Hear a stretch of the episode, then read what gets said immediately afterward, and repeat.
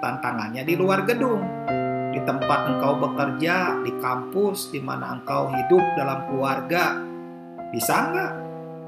Kalau di, di panggung, bisa berdoa untuk orang sakit. Di luar panggung, bisa nggak? Di jalanan, bisa nggak?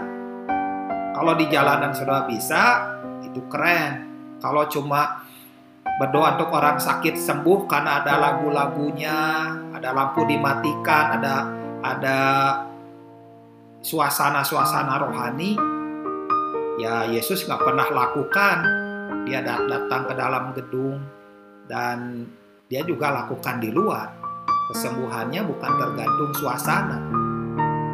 Kesembuhan itu tergantung namanya itu yang berkuasa.